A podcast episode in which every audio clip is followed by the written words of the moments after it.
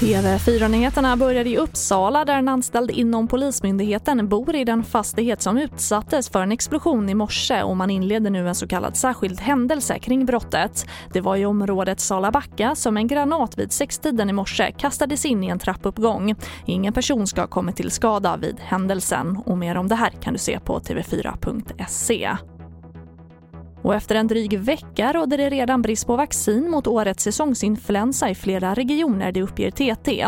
Enligt Folkhälsomyndighetens riktlinjer ska riskgrupper och vårdpersonal prioriteras. Men i flera regioner finns nu en oro att vårdpersonal kan komma att få vänta på att bli vaccinerade. Och en folkhögskola i Göteborg med 300 elever kommer troligtvis behöva stänga efter att flera miljoner i statsbidrag misstänks ha använt felaktigt, det skriver GP. Bland annat har pengar gått till en skola i Tunisien vilket inte är tillåtet utan pengarna måste gå till folkbildning här i Sverige. Förutom att skolan blir av med bidraget måste de betala tillbaka runt 4 miljoner kronor. Och det var det senaste med TV4 Nyheterna. Jag heter Charlotte Hemgren.